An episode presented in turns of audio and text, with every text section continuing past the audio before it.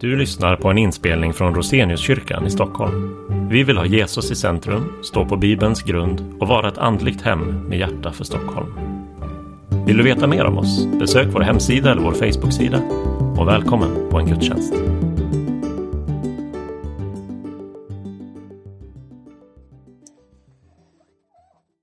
God eh, förmiddag. Hör ni mig? Eh, En god vän till mig berättade om sina farföräldrar.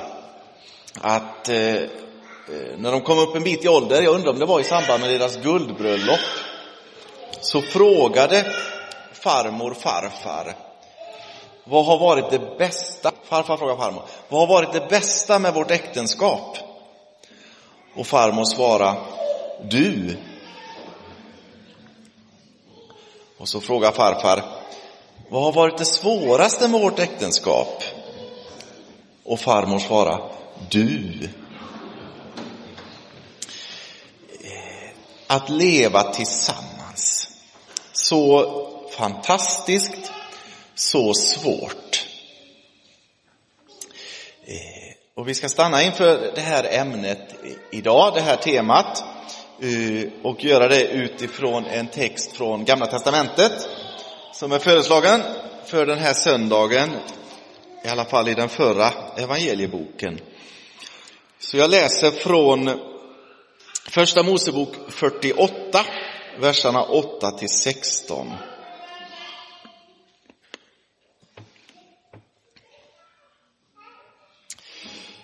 När Israel fick se Josefs söner frågade han, vilka är dessa? Josef svarade sin far, det är mina söner som Gud har gett mig här. Då sa han, ta hit dem till mig så att jag får välsigna dem. Israels ögon var svaga av ålder så att han inte kunde se. Josef förde fram dem till honom och han kysste dem och tog dem i sin famn. Och Israel sa till Josef, jag trodde inte att jag skulle få se ditt ansikte, men nu har Gud till och med låtit mig se dina barn. Och Josef tog dem från hans knä och bugade sig till jorden. Sen tog, han, tog Josef dem båda i handen, Efraim i sin högra hand till vänster framför Israel och Manasse i sin vänstra hand till höger framför Israel. Och han förde fram dem till honom. Men Israel sträckte ut sin högra hand och lade den på Efraims huvud, trots att han var den yngre, och, han, och sin vänstra hand på Manasses huvud, trots att Manasse var den förstfödde. Han la händerna i kors. Och han välsignade Josef och sa, den Gud som mina fäder, Abraham och Isak, har vandrat inför, den Gud som har varit min herde från min födelse ända till idag, den ängel som har förlossat mig från allt ont, han ska välsigna pojkarna. De ska uppkallas efter mitt namn och mina fäders, mina fäder Abrahams och Isaks namn, och de ska föröka sig och bli många på jorden. Så lyder Herrens ord. Gud, vi tackar dig. Vi kommer ju in mitt i ett sammanhang här. Eh, en del av er är bekanta med det. Det är liksom i slutet på den ganska långa berättelsen i Första Mosebok om, om Josef. Och Josefsberättelsen är ju i sin del, i sin tur fortsättningen på berättelsen om, om Jakob. Och Jakob hade sin pappa Isak och Isaks pappa var Abraham. Så vi kommer direkt in i ett sammanhang och ett historiskt skede och i en ganska eh, trasslig familj, får vi nog säga. Eh, I texten här så, eh, så talas eh, det om Israel. Jakob hade ju två namn. Han hade ju fått ett namn till av Gud. Född som Jakob men fick sedan namnet Israel. Eh, så det behöver vi ha med oss här när vi läser texten, att det handlar om, om Jakob, Israel. Eh, jag tänkte att vi ska lyfta fram tre, tre delar här. Det handlar om att leva tillsammans med andra. Att leva tillsammans med sin historia. Och att leva tillsammans med Gud. Så vet ni ungefär eh, vad jag tänker. Att leva tillsammans med andra. No man is an island. Den engelske prästen och diktaren John Donnes formulering från en andaktsbok på, på 16 eller 1700-talet. På 15 eller 1600-talet. Den har blivit klassisk.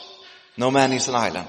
Det återkommer i populärkulturen, i, i musik, i filmer, i böcker. Ingen människa är en ö. Han fortsatte, ingen människa är en ö, hel och fullständig i sig själv. Varje människa är ett stycke av fastlandet, en del av det hela. Och lite längre fram, jag är en del av mänskligheten.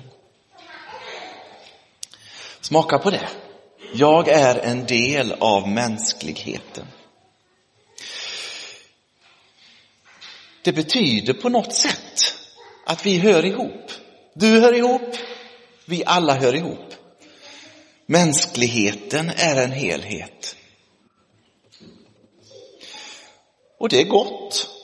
För det var ju så det började en gång.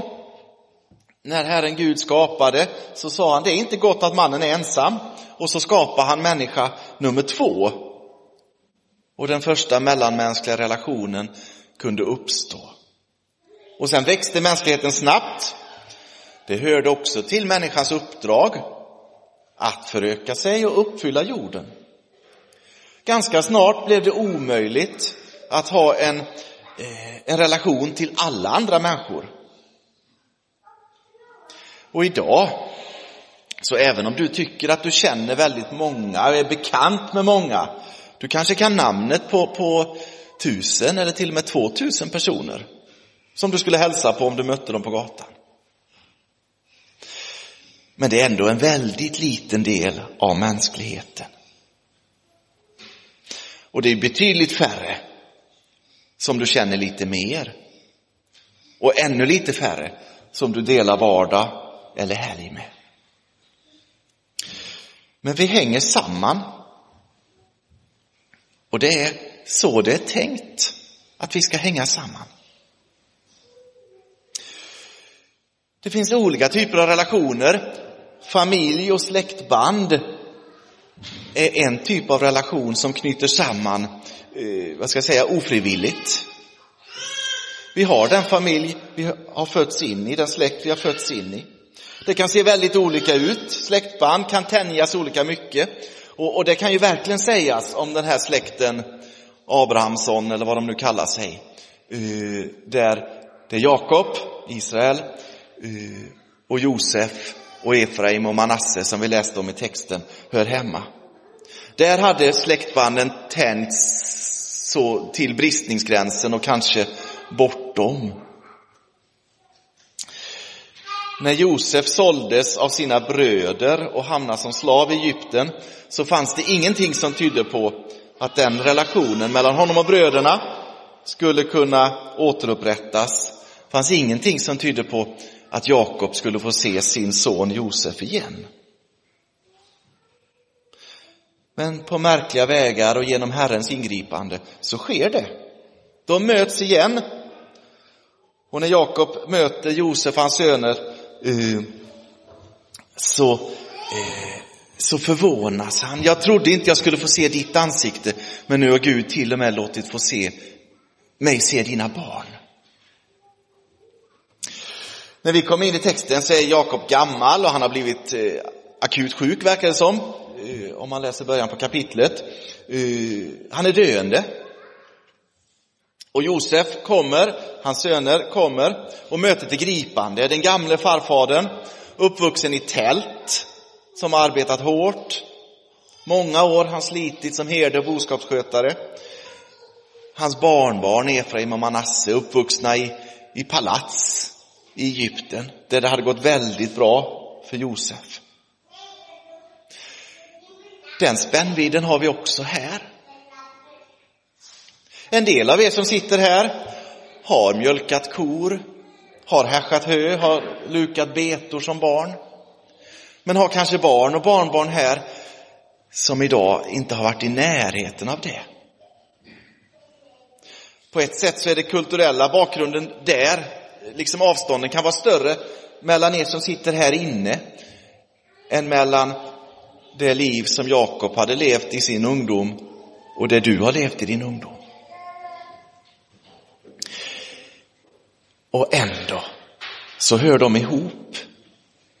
Jakob, Efraim och Manasse. Och du hör ihop. Du hör ihop. Du hör ihop med den, den familj och släkt som är din. Du hör ihop med den kyrka eller församling som Gud har gett dig. Du hör ihop med de grannar du har fått. De kollegor du jobbar med, de människor som finns runt omkring. För en del av er så kanske det är en, en tröst att höra. Du hör ihop. Du kanske upplever dig ensam. Du kanske ser mest brustna relationer omkring dig och bakom dig. Men Gud är den som vill relation. Han är den som vill upprätta och läka relationer. Han är den som vill leda in i nya relationer. Gud har till och med låtit mig se mina barnbarn. Gud kan göra det som du inte förväntar dig eller kan tänka ska hända. För andra kanske det är mer utmanande att höra att man hör ihop. Du kanske hellre vill klara dig själv. Eller i alla fall få lite mer egentid, lite mer space. Du kanske, du kanske mest ser brustna relationer eh, och, och kvävande relationer och, och känner dig fången i relationer. Men människor runt omkring dig finns inte där av en tillfällighet. Du finns där för dem, de finns där för dig. Det kan finnas saker också i de relationerna som behöver förändras och växa och återupprättas. Men det är inte gott för människan att vara ensam.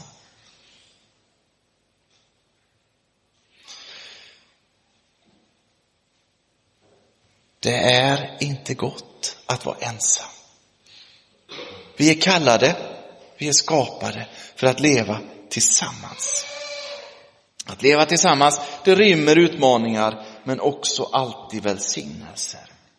Så sök gemenskap.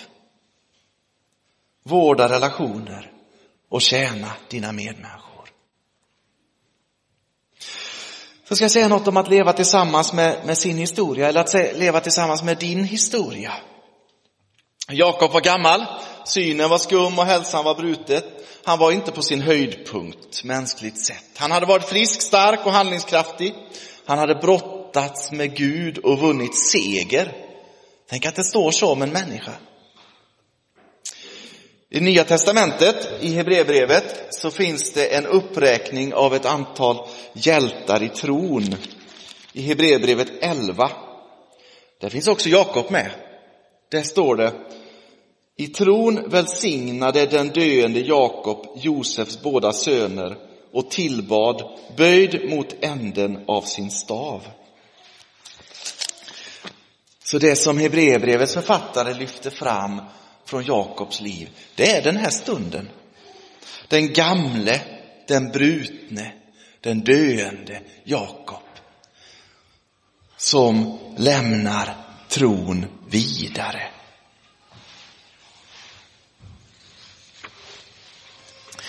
Stödd på staven står det i Hebreerbrevet, eller i sängen står det i första Mosebok. Det beror lite på hur man översätter.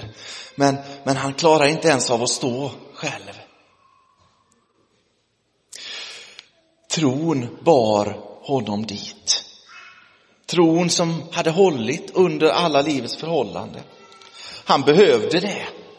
Han hade så mycket med sig. Han hade en historia.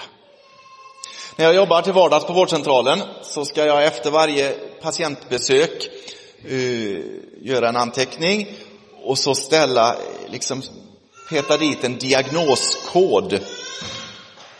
Urinvägsinfektion N390, artros knä M171, sådana här tekniska saker. Men så finns det också ett antal koder som, som handlar om sånt som ligger bakom. Det kanske inte är så intressant om patienten har haft halsfluss för fem år sedan. Men det kan finnas saker i den egna sjukhistorien som fortfarande påverkar nuet. Och då är det intressant. Man kan ha haft en cancersjukdom, har man haft cancer i matstrupen, ja men då är det Z85.0A, malign tumör i matstrupen i den egna sjukhistorien. Varför?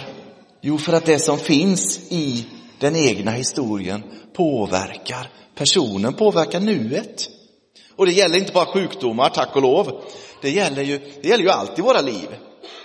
Det gäller allt vi har gått igenom, det vi har upplevt, det vi har utsatts för. Positivt, men också negativt. Och därför tycker jag det är viktigt att säga någonting om att, att leva med sin, sin egen historia. Jakob var tvungen att göra det. Jakob, han var ju född som tvilling två. Född sekunder efter Esau, men för alltid dömd att vara lillebror. Det kunde inte förändras. Esau var luden, Jakob var slät. Jag vet inte hur skönhetsidealen såg ut på den tiden, men det var inte heller någonting han kunde göra så mycket åt. Ett antal saker var honom givet. Hans föräldrar, Isak och Rebecka, deras relation den var inte den bästa och deras barnuppfostran den var nog inte mycket bättre. De favoriserar var sitt barn. Eh, det fanns massor av saker i Jakobs liv, i hans historia, som han behövde förhålla sig till. Sånt som han inte hade kunnat påverka. Sen fanns det också sånt som han definitivt hade påverkat. Han bedrog, han lurade sin bror och sin far. Han lämnade sin familj, han gifte sig med flera kvinnor. Han favoriserar själv ett par av sina barn oerhört framför de andra.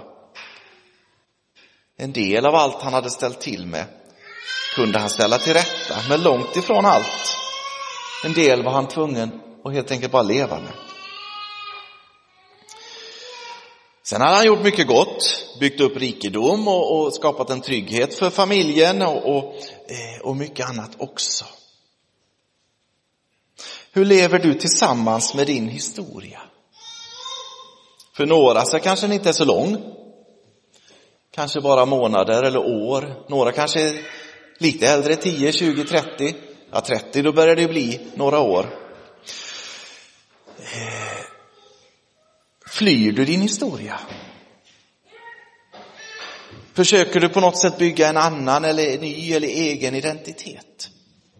Är profilen på LinkedIn eller Facebook eller vilken app du nu använder, är den, eh, är den du eller den du vill vara?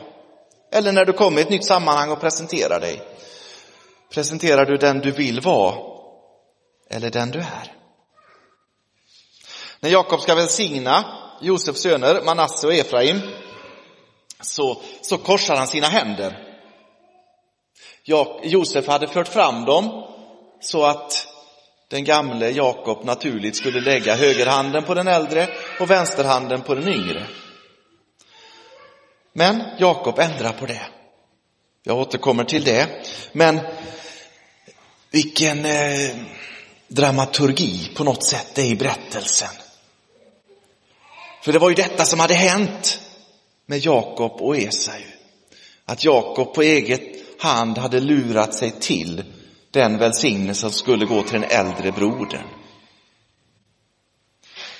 Om det hade varit, om det var Guds plan att, att Jakob skulle få den välsignelsen, då hade nog Gud gjort och löst det utan bedrägeri. Kanske lika enkelt som det sker nu när Jakob korsar sina händer och välsignar sina barnbarn. Glöm inte vem du är. Glöm inte vem du är. Vårda din historia. Se vad som behöver helas och förlåtas. Se vad som finns värt, vad finns att tacka för. Var tacksam för över. På vilka områden behöver du läka? På vilka områden behöver du bidra till läkning? Vad kan du ställa till rätta? Och vet att Herren i varje stund är redo att förlåta, att läka, att upprätta och att skapa nya möjligheter. Några av er har levt länge, betydligt längre än jag. Låt mig bara säga någonting om att bli, om att bli gammal. Det finns ju väldigt tydligt här i den här texten. Israels ögon var svaga av ålder, kanske var det ärftligt. Isak hade ju, både Isak och Jakob drabbas ju av det här. Eller så var det bara vanligt. Grå starr är ju fortfarande väldigt vanligt. Eh, att bli gammal, det innebär att krafterna avtar. Även det friska åldrandet innebär att man går inte lika snabbt som när man var 20, man bär inte lika mycket som när man var 30 och man springer inte lika snabbt i trapporna som när man var 40. Det här är normalt. Risken för sjukdom ökar när man blir gammal. Idag kan vi behandla många sjukdomar väldigt väl, till exempel grå starr. Men med ökande ålder så ökar risken för allvarlig sjukdom. Åldrande innebär sociala förluster. För en del är pensioneringen en befrielse, för andra är det en stor sorg. Man tappar mycket av sitt sociala nätverk. Och blir man riktigt gammal så har man nästan inga jämnåriga kamrater kvar. Det är klokt och det är viktigt att reflektera över vad det innebär att åldras och bli gammal. Hur vill jag möta de förändringarna? Men här finns också ett evangelium i detta. Det finns ingen pensionsålder i Guds rike. Om det fysiska och sociala livet försvagas på ålderdomen så finns det ingenting, ingenting som säger att det andliga livet behöver utvecklas på samma sätt. Tvärtom. I det andliga livet så får vi växa hela livet. Gör som Jakob. Be. Böjd över käpp eller rollator eller liggande i din bädd. Be, tacka, lovsjung. Välsigna, gör som Jakob, ge vidare det du har fått. Jakobs testamente handlar inte om hans jordiska tillgångar, det handlar om att han vill ge välsignelsen vidare. Och du som är gammal eller rädd för att bli gammal, se på dig själv med Guds ögon. Han ser ett älskat barn. Vet ni vad jag tycker är jobbigast med att vara här och predika idag? Inte förberedelserna, det kan jag till och med glädjas över. Inte åksjukan på, vägen, på tåget på vägen upp, det gläds jag inte över, men det är inte det jobbigaste. Inte nervositeten över att stå här. Nej, det jobbigaste det är att min äldsta dotter är hemma i helgen. Vår äldsta har flyttat ut och nu skulle hon komma hem och så åker jag bort. Det är inte synd om mig, jag hann träffa henne en kort stund i alla fall. Men eh, det är så jag känner. Och tänk då hur Herren Gud längtar efter att få vara med dig. När du ser åldrandet och vägen mot livets slut, kanske som en, någonting som väcker oro, rädsla, sorg. Så från andra sidan så finns det en himmelsk far som längtar efter att få krama om dig och säger äntligen är du hemma. En dag när livet här på jorden är slut så får den som tror på Jesus komma hem.